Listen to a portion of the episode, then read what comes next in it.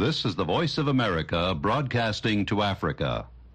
The following program is in Hausa.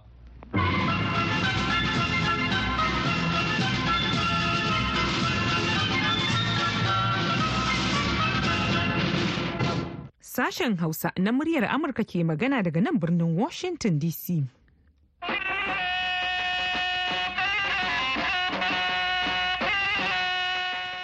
Masu sauraro Assalamu alaikum barkanku da wannan lokaci.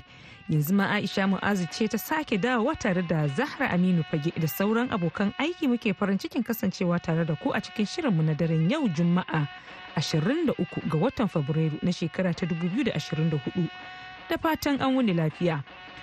To bayan labaran duniya za a ji yadda al'ummar Maradun da ke jihar Zamfara ya shiga cikin zulumi sakamakon hare-haren 'yan bindiga da ya daɗa ta'azzara. Za kuma a ji ra'ayoyin 'yan Najeriya da Nijar a game da taron ƙungiyar ECOWAS wato sai dai yawo da ake shirin gudanarwa bayan buɗaɗɗen wasikar da tsohon shugaban ƙasar Najeriya Yakubu Gawan ya aikewa shugabannin ƙungiyar. Kamar dai a kowace ranar juma'a yau ma hassan maina kaina na tafi da shirin tubalin tsaro wanda a yau zai kawo muku wata tattaunawa da hafsan hafsoshin najeriya akan wasu mahimman batutuwa da suka shafi al'amuran tsaro a ƙasar amma fa duk bayan sai mun fara da jin halin da duniyar tamu ta wuni.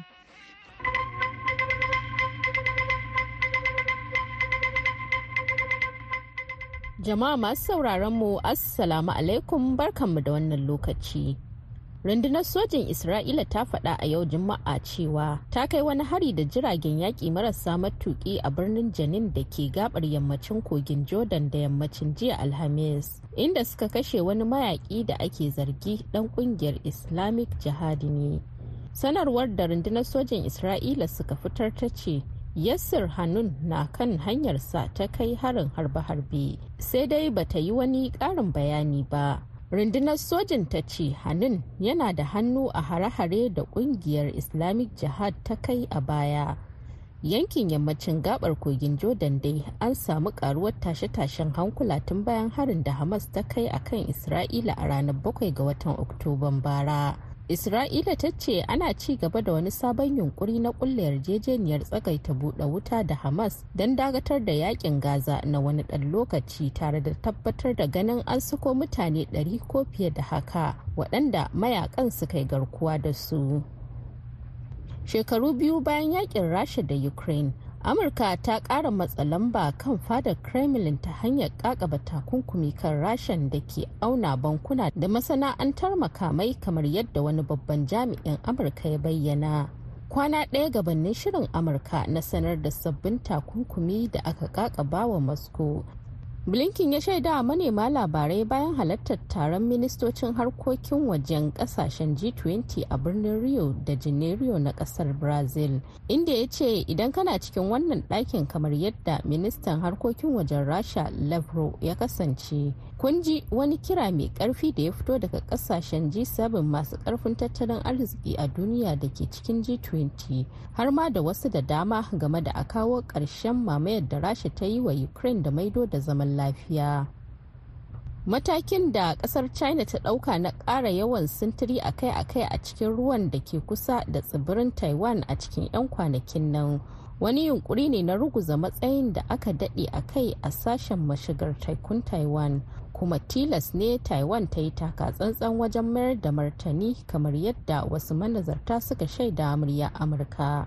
Bayan da wasu masuntan ƙasar china biyu suka nutse a cikin ruwa a cikin wani jirgin ruwa masu tsaron gabar tekun taiwan a wannan wata china ta kara matsa lamba kan taiwan.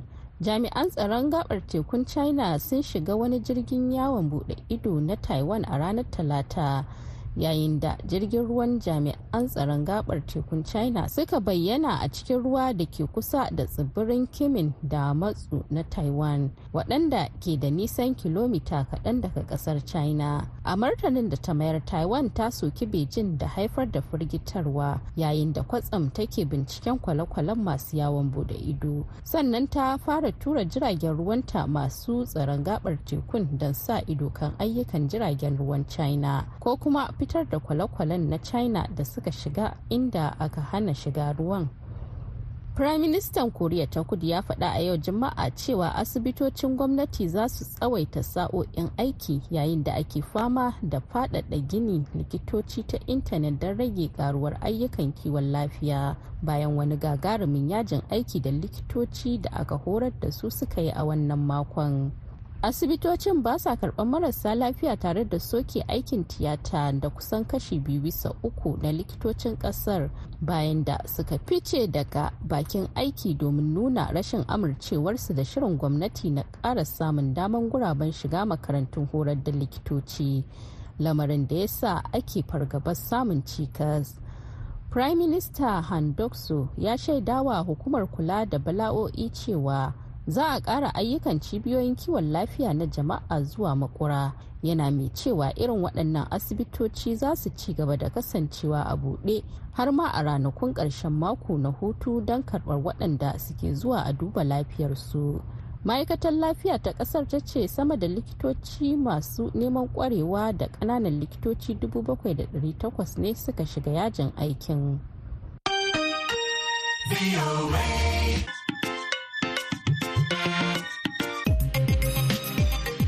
Da Zahra Aminu fage da ta karanto mana labaran duniya daga nan sashen Hausa na muryar Amurka a birnin Washington DC.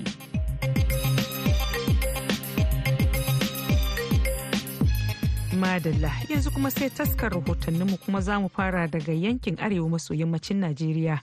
inda matsalar rashin tsaro ya kara ta'azzara duk da ƙoƙarin da gwamnatocin jihohin yankin suka yi na kafa hukumomin tsaro don inganta tsaron al'umma da kuma dukiyoyinsu. wakilin muryar amurka a yankin sani shu'aibu malumfashi ya aiko mana da karin bayani cikin wannan rahoto lamarin tsaro ya kara ta'azzara yankin jihohin zamfara da na katsina. Domin kuwa shekaran jiya nan laraba wannan 'yan bindiga sun kashe shugaban hukumar tsaro ta al'umma a yankin karamar hukumar mulki ta kankara a jihar katsina. Duk kuwa da ƙoƙarin da suka yi kuma hakan ya faru ne a wani gumurzun da suka yi wajen ƙoƙarin kare inda waɗannan 'yan bindiga suka kai hari. A makota ma jihar zamfara lamarin ya ta'azzara kamar da yadda wani wanda na suturta sunansa ya mana bayani a hiranmu da shi yaya wannan al'amari ya faru Wato raka dai wallahi ina mai shaida muku duniya cewa wannan yanayi na rashin tsaro ya ta'azzara yankinmu na Maradon na jihar Zamfara kuma cikin garin Maradon. Wallahi sai dai mu ce na lillahi wa inna ilaihi raji'un. Domin kwanan nan kullum ba ma kwana cikin gida. Daji muke kwana. Sun saba kawo mana hari sama hanyar shigowa gari na Maradon. Mutanen gari suka haɗu cewa a sassaɓe itacen da ke sama hanya don a samu dai su rage ɓoyewa suna kashe mutane daidai bara an je sassabe wallahi sun yi muna ɓanna mai yawa su haka shi muna mutane. Ga yanayin da muke cikin na rashin abinci. Nan gonakin mu suke. Wallahi ina gaya ma ran asabar da muka je mutanen da su haka shi muna nan ya kai mutum tara. Daga ciki akwai kanne ga limamin garin maradon da mai martaba sarkin gari wallahi aka yi sallar jana'izar nan. Kuma abun bai kare ba dare na yi wallahi nan makwabtan mu daga maradon zuwa makera bai wuce kilomita biyu ba. Suka kawo hari suka kashe mutum tara su ma nan take wallahi. Mutum hamsin da huɗu su je da su yanzu haka suna hannun su wata ma saman hanya ta kai. Wani asalin shi daga asibiti nan shi ma ya rasu saman hanya. Yanzu halin da ake ciki ma limamin garin na masallacin jima'a na dai da iyali ne gaba sun wuce da su. Sun isko yana karatun Qur'ani suka ce wato ya ma dina musu da wayo addu'a zai suka kama shi da bugu. Ita wacce ta haihu sun batta koko sun tafi da ita? Ina sun tafi da ita. Kawai sun kira waya ne sun ce ta haihu lafiya. Shi kuma wanda aka salamo daga asibiti ya mutu saboda kan mu je mu ɗauko abun. Mun kai kara ga hukuma lokacin da ma aka kashe mu a da muka je ga sojoji da best na mobile 78 muka ce da Allah su zo a taimaka a je a ɗauko wa'ancin bai Allah da aka kashe. Duk ko su bai je ba. Shugaban karamar hukumar mu shi ya ce duk mutanen gari masu iya shahada su je su ba da mashinan su na gidan mai a zuba musu mai ajiye a doko wa'ancin bai Allah. Wallahi haka aka yi aka doko zuwa halin da ake ciki sun yi maganan ko suna neman wani abu a hannun mutanen gari? Sun kira mutane har masarauta sun kira sun ce to lalle mutanen maradun lalle sai sun shigo sai sun ɗauki fansa gare su. Saboda haka kullum mu zama cikin shiri. Dangane da waɗannan bayanai ya sanya na tuntuɓi kakakin rundunar 'yan sanda ta jihar zamfara asp yazid sun samu tabbacin auko wannan lamari. Labai wannan al'amari na wajen karamar hukumar mulki ta maradin shin ni ke gaskiyarsa wannan abu bai faru a wajen maradun ba ya faru a makera don tana da boda ne da maradun.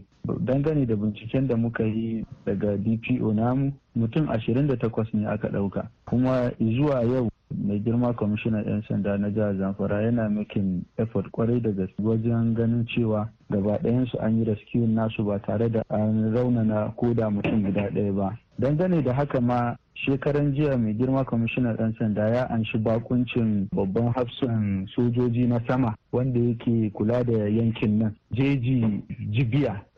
Kuma an yi maganganu masu mahimmanci ƙwarai da gaske. Kuma insha Allahu mai girma kwamishinan 'yan sanda dangane da irin shirye-shiryen da aka sa a ƙasa da taimakon kuma gwamnan jihar zamfara har kwamishina yake ganin cewa in Allah ya suwa yadda nan da wata uku ma wannan abu zai zama tarihi. asp yazid a kakakin rundunar 'yan sanda ta jihar zamfara.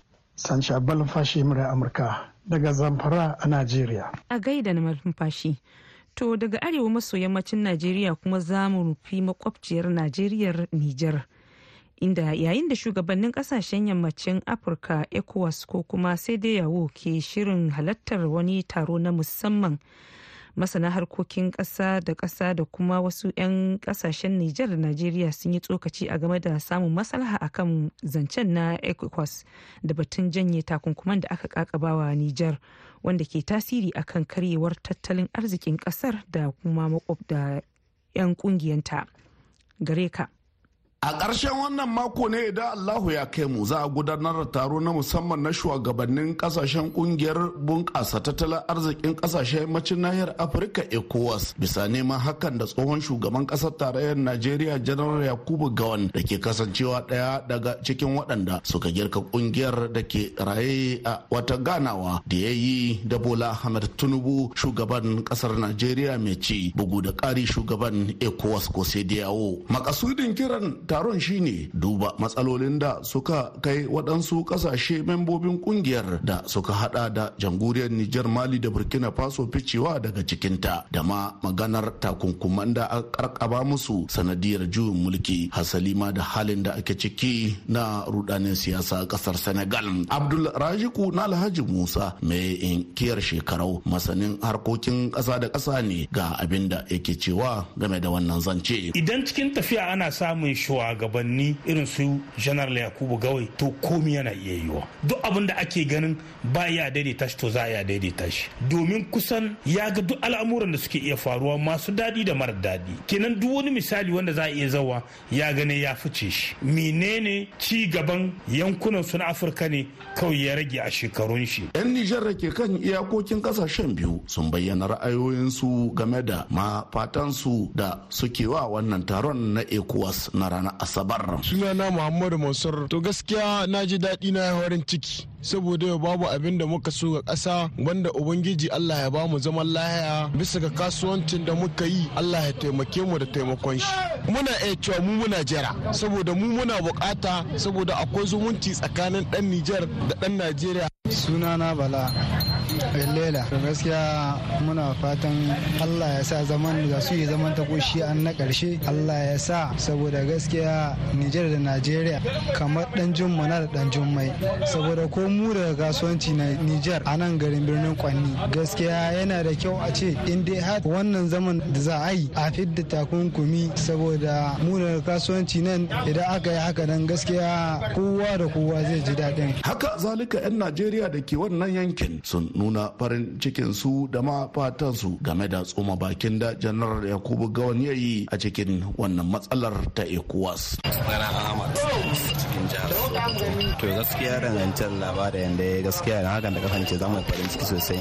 Domin nijar da najeriya duka sun zamo yan uwan juna. Kuma idan aka yi haka najeriya idan tana cikin yanayi nijar na cikin yanayi haka. Sunana bala lela. To gaskiya muna fatan allah ya sa zaman da su yi zaman ta koshi an na ƙarshe allah ya sa. Wannan na zuwa ne a daidai lokacin da kiristocin cocin angalika na jamhuriyar nijar ke taron zumuntan maza a garin galmi a cikin jihar tawa inda suka ce za su yi addu'o'i don ganin cewa kiran da tsohon shugaban ƙasar najeriya yakubu gawan ya yi ya samu nasarar matsalolin da suka da bibiye ecowas kamar yadda pasto isuhu abu kalo shugaban ƙungiyar zumuntar maza ta cocin angalika ta jamhuriyar nijar ya mini karin bayani. Za mu yi addu'o'i cikin wannan taro saboda mazaje na iglesia mun haɗu sosai. Muna da fastoci masu azi ravarori da kuma an da ba su mashahi abubuwa masaje kirista da iyalanmu da muka baro muna gai kullum a yi addu'a domin ƙasar nan. Kenan idan yakubu gaman ya hito ya wannan bayani addu'o'i sun karɓu. Ai dan da zama ne za a yi. To kuma muna ganin alamun karɓar addu'o'i kenan. Kuma ba za mu bari ba za mu ci gaba da yin addu'a saboda samun mahita cikin ƙasar tamu. Haruna mamman bako na birnin kwanni sashen hausa na muryar amurka daga birnin kwanni a jamhuriyar nijar. A gaida haruna mamman bako da wannan rahoto. To kada fa a sha'afa ana tare ne da muryar Amurka daga nan birnin Washington DC akan mitoci 1625 da kuma 31. Yanzu agogon a nan Washington DC na cewa ƙarfe 3 da minti 45 na rana. Ga shirinmu na gaba.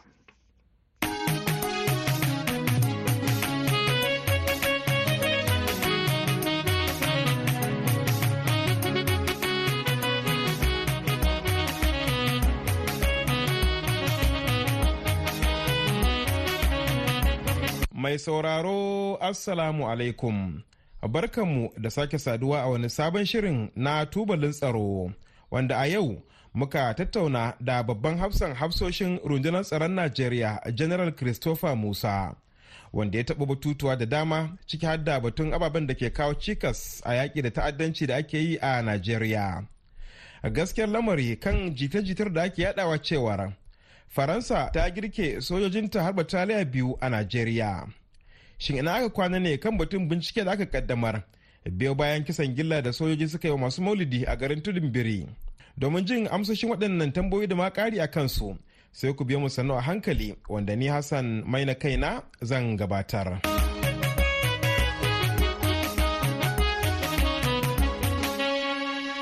To Madalla. A shekaran jiya waccan ne babban hafsan hafsoshin rundunar tsaron Najeriya, General Christopher Musa, ya gana da wasu 'yan jaridu na ƙasashe daban-daban na duniya da ke aikiwa da labarai daga Najeriya, wanda ya taɓa batutuwa da dama. inda ya fara da batun yadda ake kula da walwalar sojoji da suke sadaukarwa domin kare najeriya da 'yan najeriyar yadda kai magana na mun san gwamnatin runduna suna ƙoƙari iyakacin yadda suke iya yi Uh, mun san cewa ba komai muke buƙata muke da shi ba amma muna ƙoƙari da abubuwan da muke ake ba mu. Kuma gwamnati na ƙoƙari don kasan akwai abubuwa daban-daban da ya kamata su yi don ba tsaro kawai ba ne. Uh, so abin da muke cewa is um, mai magana da gwamnati kuma su ma sun duba sun gani. In ka ji national assembly ana magana cewa eh ya kamata a dubi yadda muke kula da sojojinmu kan aikin da suke yi. An mun gode ma Allah don mun ga cewa abubuwa za su canja. A yanzu ba wanda ake bin shi biyan albashi kowa na samu allowances dinmu duk muna samu. Abun bai yi kai yadda muke so ba amma dai ana samu hana rantsuwa. To za mu ci gaba da aiki za mu ci gaba kuma da kula da su. Duk wanda suka ji ciwo ana kula da iyalinsu wanda suka mutu in wani kuma wani abu ya same shi ana lura da shi a tabbatar cewa an yi mishi taimako. Amma yadda muka ce ba za mu cewa mun samu duk abin da muke buƙata ba amma abin da yake a ƙasa yanzu yana taimako kuma za mu ci gaba da aiki. Roƙonmu jama'a su dinga mana addu'a a dinga sa baki ana taimakon sojoji. A dinga maganganun da zai taimake su da zai ba su kuzarin jiki su yi aiki. Zage-zagen da ake yi bacin su da ake yi ba zai taimake su ba. Da in sun zo sun ce to su ma sun gaji ba za su yi ba to me zai faru? Duk ba wanda zai zauna a gidan shi. So mutane su tuna cewa eh za ka iya zuwa aikinka za ka iya zuwa gida ka yi bacci ka ci abinci. Domin soja yana nan a tsaye ya tabbatar cewa komai bai same ka ba. So muna roƙon jama'a a taimaka a sa hannu tare. In mun samu sojojin da ba su yin abin da ya kamata a gaya mana za mu ɗauki mataki. Wannan na tabbatar da cewa muna yi. to shin ina aka kwana ne akan binciken da aka kaddamar biyo bayan harin tudun biri wanda soja suka kashe wasu faran hula. to na gode. Eh na yanzu a cikin turanci na yi maganar tudun biri. A report an riga an sa kwamiti sun riga sun je. A dama akwai abubuwan da ake buƙata. Sunayen wanda suka mutu abin da ya samu wanda ya ji ciwo shi ne muke ƙoƙarin samu. Ba mu iya mun samu sunayen duka. Wanda ya samu namba an ce kaza sun mutu amma mu don kuma an riga an business ka mu je. So ba abin da muke so kuma za mu je mu tono ba ne. Don ba mu so mu dago abin da ya riga ya wuce. To amma report ya a shirye yake in Allah ya so kafin ƙarshen wata za a faɗi ma jama'a su je abin da ya faru. Amma yadda muka ce rundunar sojojin najeriya an yi mu ne mu kare jama'a ba mu kashe kowa ba ba mu ji maku duk wanda muke bi muna bin waɗanda wannan mayagun mutane su muke nema to wannan abin da ya faru zan ce muku yadda abin ya faru yadda muka yi magana kuskure ne ba wani ne ya tashi ya je nemi wani ya kashe a'a amma in report ne ya fito mun tabbatar tsakani da Allah za a yi kuma kowa zai je abin da ya faru so a zo na a jira. Ana kokawa kan albashin da ake baiwa sojojin Najeriya da ke fagen daga. Shin menene gaskiyar lamari akan wannan? Batun albashin da ake ba mu gaskiya ne. Kusan da yawa na yi magana cewa sojoji na suna karɓan kuɗin su albashin su bai ka dubu hamsin ba. Ko ni nan da kaina in naje ina gaban abin nan wurin yaki abincin da ake ci da ni dubu ɗaya da dari biyu. To ni na tabbatar ba wanda nan zai cewa wannan kuɗin ya isa. Amma gwamnati na ƙoƙari don ba mu ce a ɗauki kuɗin duka a ba mu ba a'a. Gwamnati na dubawa shi shugaban ƙasa ya magana cewa a sake dubawa. Mu kuma tabbatar cewa za a ƙara ba mu kaɗai ba da sauran 'yan tsaro. Domin kaga in an taimake mu mu ma za mu taimaki 'yan iyali. Don akwai mutanen da su ma suke dogara gare waɗannan mutanen. So taimakon su zai yi kyau. General christopher musa ya kuma yi magana akan halin da ake ciki a ƙasar nijar. Biyo bayan jin mulkin da sojoji suka yi da kuma takunkumin da ecowas ta aza musu. to na gode. Eh shi ishu din ecowas da niger yadda na gaya maka ko su ma yan niger din masu sun sani cewa abubuwan da ke damuwan duniya yanzu babu kasa ɗaya da za ce ita kadai za ta iya yi. Dole sai an haɗa kai. So muna tare da su su ma sun san cewa muna tare. Kuma sun san cewa ba wai wai muna so mu kuntata musu ba ne a'a. Matakin juyin mulki da aka yi da soja suka ɗauke soja ba ruwansu da mulki da democracy. So muna son su zo su fito su gaya mu jama'a cewa to mun ɗauka mun kuskure amma ga ranar da za a yi zaɓe a kuma abin da kawai ake buƙata kenan ba wani abu ne. So mu da su ba mu da ba mu da wani matsala. Ni na gaya muka cewa muna aiki tare da su mun aiki tare da su mun san su mun san sojojin su mun aiki mun yi makarantu tare da su. Mu kuma domin muna da boda kilomita dubu da ɗari biyar dubu ɗaya ɗari biyar duka tare da su. Muna da state state guda bakwai. Addini ne culture duk muna tare da su. So ba abin da muke son mu yaƙi da su ba ne ba abin da muke son mu yi abin nan muna son haɗin kai tare mu yi aiki da su. Kuma su ma na tabbatar cewa su ma sun san haka. So akan wannan na ecowas din shi shugaban kasa ya ce ana nana magana da su a ga cewa yadda za a samu kan wannan su dawo cikin ecowas mu ci gaba aiki tare. Kuma na tabbatar allah ya so za su dawo. Batun garkuwar jama'a. Yalla bai satar mutane don neman kuɗin fansa. Ya zama ruwan dare a najeriya inda zaka ga ana cinikin dan adam tamkar wani haja. Shin ku sojoji me kuke yi akan wannan? Musamman wurin amfani da fasahar zamani domin daƙile wannan matsala. Wannan abun yana ci gaba don akwai mutanen da ke samu ciki suna ci gaba. So mun san girma yadda gidan girman ƙasar ne yake. Shi ne yasa ne magana ni ce akwai abubuwan da muke buƙata da zai taimake mu aiki ba mu samu. Ko da kuɗin mu ma mun je kasuwa ba mu iya samu mu saya. To manyan manyan ƙasashen nan su suke da wannan kayayyakin. To amma suna hana mu tambayan me yasa? Duk mun san cewa yaƙin da ake a ukraine kuma na san kowa na ji a rediyo kuɗin da kullum ake ba ukraine kayan aikin da ake ba ukraine. Amma mu an hana muna. In ma za su ba mu kashi ɗaya cikin ɗari abubuwan da aka ba ukraine ni na tabbatar musu allah na tare da mu za mu samu kan abubuwan da ke faruwa nan. Amma ya yi wuya. Kai maganan wayoyin waya. Akwai abin nan equipment da za a iya using a yi tracking waɗannan. Da ƙyan muke samu. So abubuwan da ke kawo da illa da ba mu iya samu abin da sauri. Kuma bancin jama'a yanzu in sojoji sun wuce nan akwai wadanda za su je su duba a'a motoci uku sun wuce ga mutanen da ke ciki ga inda suke nan. Suna gaya musu waɗanda so shi yasa na ce jama'a ma ya kamata sojoji mu kaɗai ba za mu iya yi ba tare da samun gudunmawa daga wurin jama'a ba. So muna roƙon jama'a su gane cewa wannan abin da ke faruwa abin da ke damun kowa ne. Don ko mu ma soja muna da yan uwa ai. Ya ba mun zauna a bariki muna muna nan waje yan uwan ma suna nan waje. So ya kamata kowa ya san cewa dukkan mu mun haɗa kai. Mu ce a'a abun ya isa. Kashe kashen nan ya isa wannan garkuwan ya isa. In an gani a yi reporting. Akwai mutanen da ke kai musu abinci. Akwai mutanen da ke kai musu mai. Akwai mutanen da ke nuna musu inda za su shiga. Duk waɗannan mun haɗa muka ce ba za mu yi ba kuma ni na tabbatar cewa za mu samu kan wani. Daga bisani na tambayi babban hafsan hafsoshin rundunar tsaron najeriya cewar shin ko da gaske ne faransa ta jirge sojojin tarabar tariya biyu a najeriya? Babu gaskiya. No batun faransa na gaya muka na ce a'a. Lokacin ba ba tun yau ba sai wani za mu ɗauki mutane su sai ga muka a cikin turanci na magana. Ba mu bukatan wani daga waje ya kawo mana sojoji nan. Muna da isassun sojoji a ƙasa. Abinda muke buƙata kayan aiki. Na gaya maka cewa ko da kuɗin mu ko mun je siya ba mu samu. To amma an mun samu ni na tabbatar cewa sojojin Najeriya suna da ƙarfin da iya wanda za mu iya yi mu tabbatar cewa Najeriya ta dawo inda take a da har West African Sub-region duka. Muna da mun yi da mun yi Liberia mun yi Sierra Leone mun yi duka wuraren nan. To me yasa ba yanzu ba? Sannan menene yasa kullum sojojin Najeriya kuna cewa kuna kashe 'yan Boko Haram da 'yan bindiga daɗi? Amma matsalar tsaro kullum sai ƙara gaba take yi. Kaga akwai yunwa akwai kwaɗayi. Akwai abubuwa da yawa da mutane ke nema sai abin da ke sa shi yasa duk muna jawo su waje kuma suna shigowa. Kuma ka san yadda boda din mu yana yawancin mutane duk suna gan cewa Najeriya na da arziki. So kowa na so ya shigo Najeriya zai samu arzikin Najeriya. Shi yasa duk waɗannan 'yan ta'addan da ke waje kowa na so ya shigo Najeriya. Shi yasa nake ce mu jama'a dole mu tashi yanzu mu taimake 'yan tsaro. Dukkanmu mu ce wannan abun ya ishe mu. Muna son abun ne ya tsaya. Tare mu haɗa kai wallahi na gaya muka za mu samu kan wannan abun. Abun nan zai tsaya. Akwai yunwa shi yasa kuma muke magana da su shugabanninmu. Kaga su local government dole a bar su su aiki. Yadda mutane za su samu ce don kowa yanzu yana zuwa wurin gwamnati gwamnati ba zai iya shi kadai ba. So dole in mun haɗa kai tare duka za mu iya samun wannan abu. Ana zargin cewar a cikin sojoji akwai bara gurbi da ke haɗa kai da 'yan ta'adda ko 'yan bindiga daɗi. Shin wannan batu haka ne? Idan kuma gaskiya ne me kuke yi akan wannan?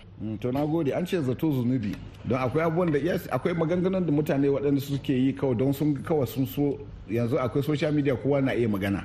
Amma akan gaskiya 'yan tsaro na ƙoƙarin iyakacin da suke yi. A cikinmu ba za mu iya cewa ɗari bisa ɗari ba. Dole za a samu waɗanda ba su yin ƙwarai shi yasa an gaya muka muna da namu kotu kotu ɗinmu court martial ɗinmu duk suna nan. Duk in muka kama mutum zai shiga. Muna tura mutane mu zuwa kurkuku. Abin da muke so da jama'a ba abin magana ba ne in ka gani ka gaya muna in ka gaya kuma na tabbatar ana ɗaukar mataki. Akwai nambobi da muka sa na human rights desk. In ka ga wani ba sai an san ka ka kira ka ce wannan kaga wannan kaza ga abin da ke fara ga abin da ke abin da ka gani. Za mu ɗauki mataki. Kuma matakin da muke ɗauka shi yasa kake koya ake aiki muna ƙoƙari iyakacin da muke yi. Za mu ci gaba da aikin da muke yi. A roƙonmu Allah ya ba mu nasara kan biya bisa waɗannan miyagun mutane. Kuma muna buƙatar mutane su gane cewa tare in mu haɗa kai za mu samu kan wannan abu. General Christopher Musa babban hafsan hafsoshin rundunar tsaron Najeriya yayin da yake tattaunawa da wasu 'yan jaridu na ƙasashen duniya a birnin Abuja.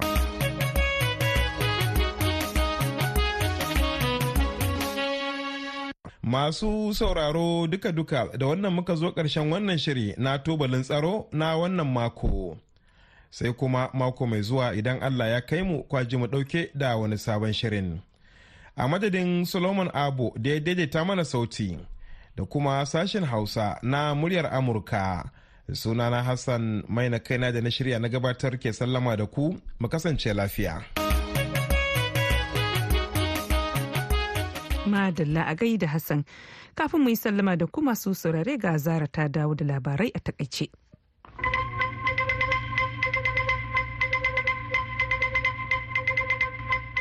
Rundunar sojin isra'ila ta faɗa a yau juma'a cewa ta kai wani hari da jiragen yaƙi marasa matuƙi a birnin janin da ke gabar yammacin kogin jordan da yammacin jiya alhamis inda suka kashe wani mayaƙi da ake zargi ɗan ƙungiyar islamic jihadi ne. Sanarwar da rundunar sojin isra'ila suka fitar ta ce yassir hannun na kan hanyarsa ta kai harin harbe-harbe sai dai bata yi wani ƙarin bayani ba. Rundunar sojin ta ce hannun yana da hannu a hare-hare da ƙungiyar islamic jihad ta kai a baya. Shekaru biyu bayan yaƙin rasha da ukraine amurka ta kara matsa lamba kan fadar kremlin ta hanyar kakaba takunkumi kan rashan da ke auna bankuna da masana'antar makamai kamar yadda wani babban jami'in amurka ya bayyana. Blinken ya shaida manema labarai bayan halartar taron ministocin harkokin wajen ƙasashen g20 a birnin rio da janeiro na ƙasar brazil inda ya ce idan kana cikin wannan ɗakin kamar yadda ministan harkokin wajen rasha lavrov ya kasance kun ji wani kira mai ƙarfi da ya fito daga ƙasashen g7 masu ƙarfin tattalin arziki a duniya da ke cikin g20 har ma da wasu da dama game da a kawo ƙarshen mamayar da rasha ta yi wa ukraine da maido da zaman lafiya